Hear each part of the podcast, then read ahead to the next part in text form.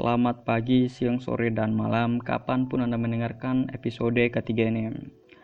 Uh, Hari ini adalah hari Kamis saat saya merekam episode ketiga ini Dan mungkin akan dipublish beberapa hari kemudian Sambil menunggu uh, laptop yang sementara ini masih dipakai buat ujian. Dan begitu juga sebenarnya dengan episode kedua yang seharusnya sudah diupload tanggal 5 Agustus.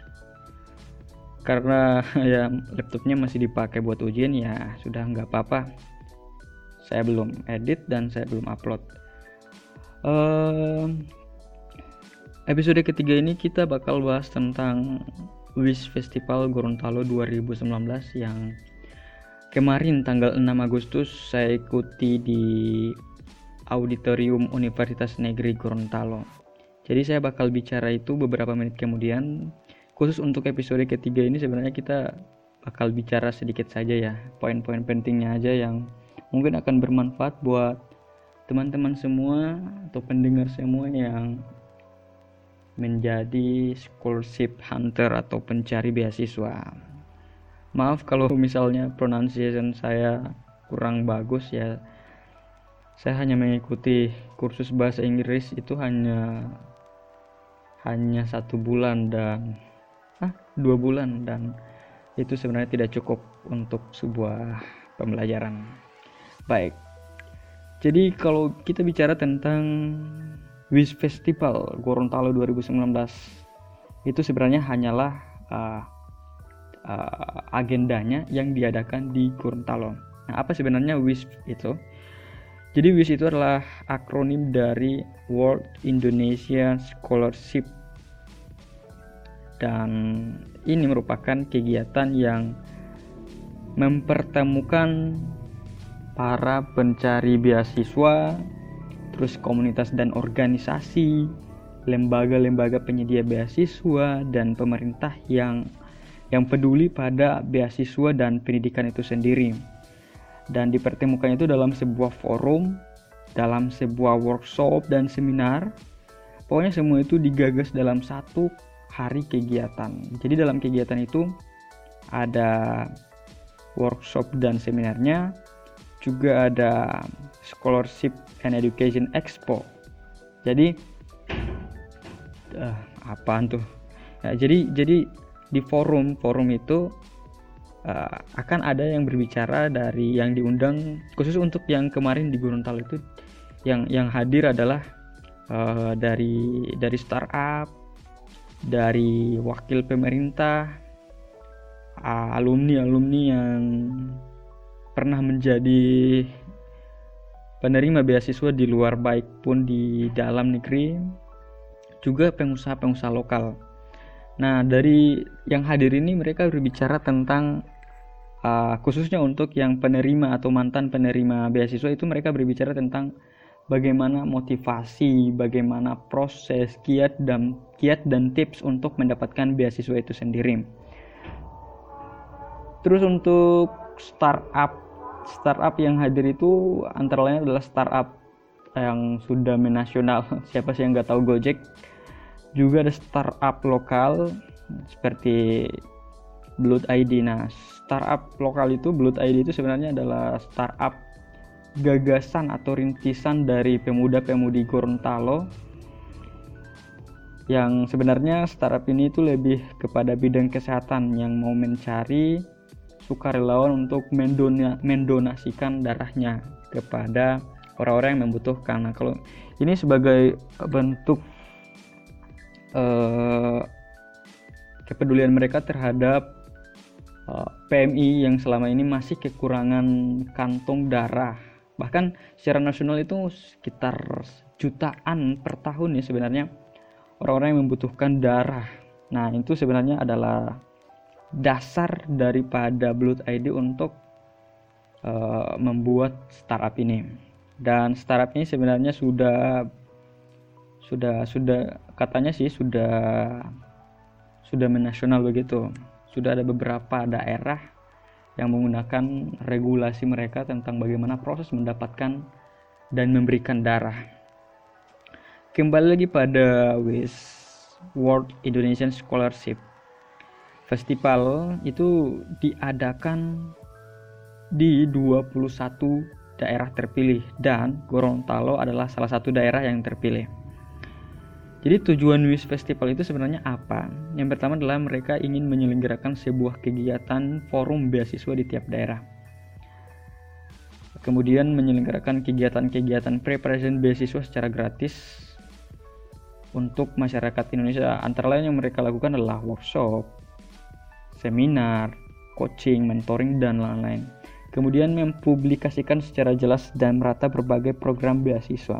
Nah ini, ini yang paling menarik Nah, selama ini kita mungkin uh, kesulitan mendapatkan informasi terkait dengan adanya beasiswa, baik yang dalam negeri maupun untuk luar negeri.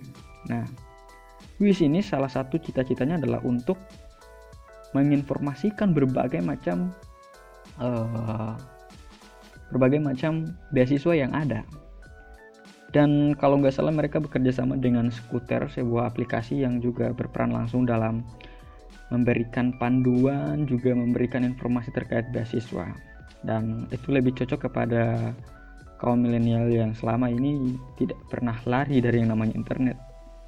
Kemudian mereka juga ingin membangun program kampung beasiswa di tiap daerah. Nah, sebagai pusat kegiatan pelatihan bahasa asing dan persiapan beasiswa di tiap daerah Indonesia, secara gratis untuk masyarakat gerakan nasional masyarakat peduli beasiswa. Uh, selain itu capaian yang ingin mereka mereka raih itu adalah untuk meraih atau memecahkan rekor muri karena ini merupakan kegiatan yang terbesar uh, tentang beasiswa.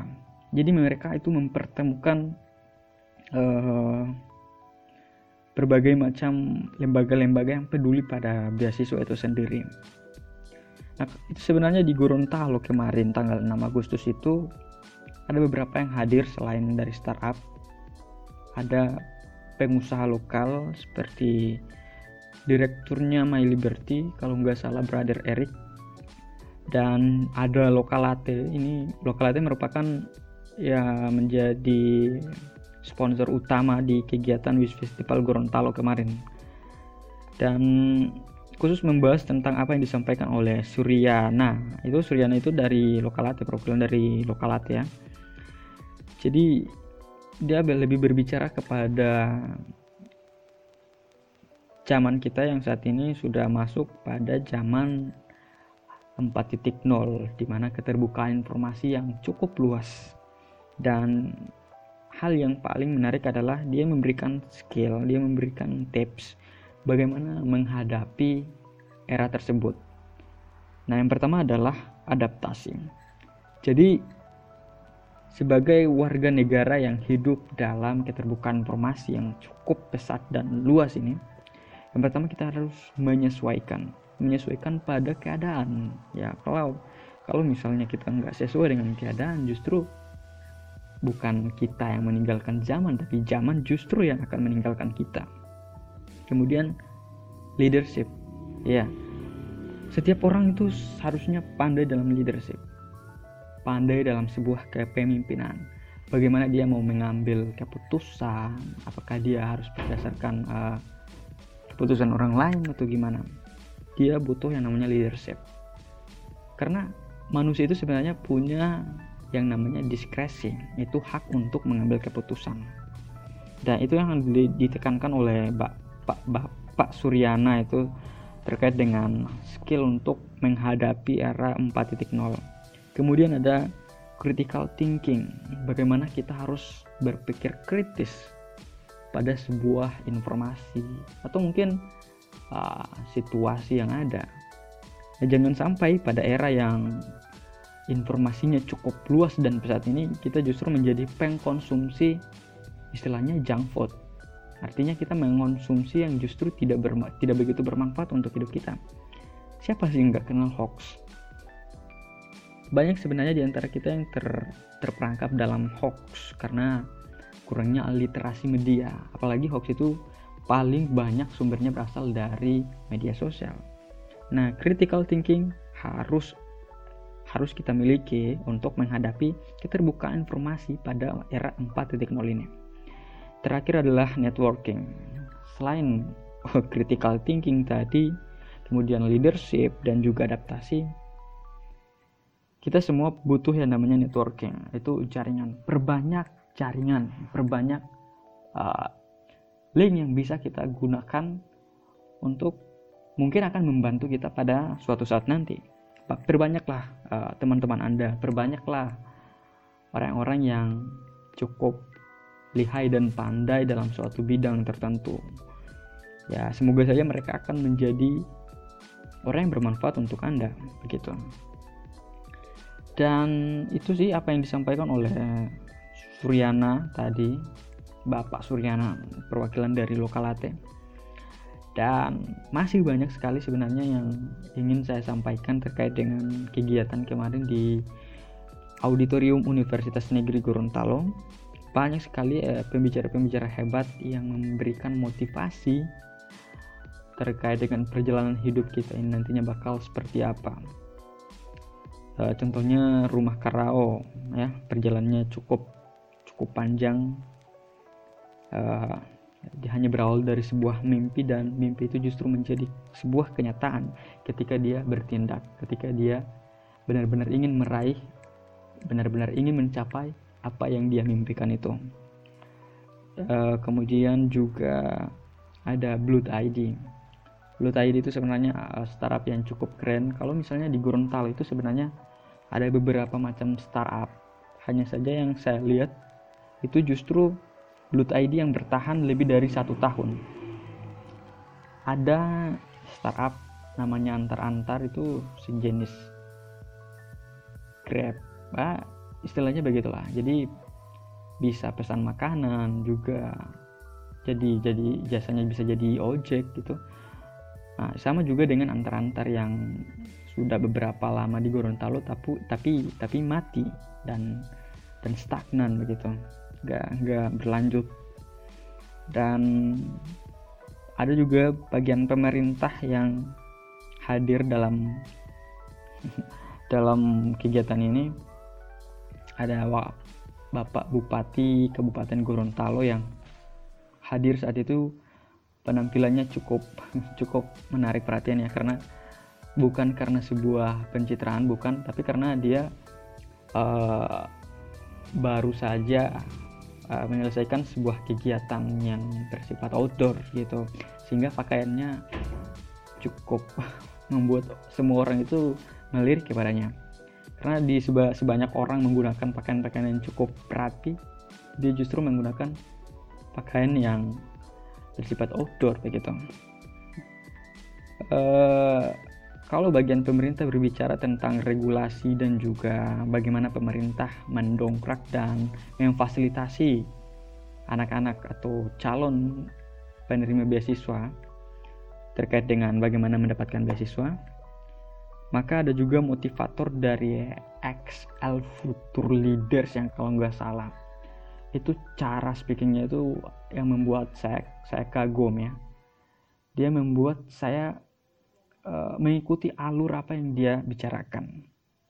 Dan saya rasa mungkin dia adalah masih mantan mahasiswa ilmu komunikasi. Nah ini adalah asumsi saya karena cara dia ngomong itu loh keren banget.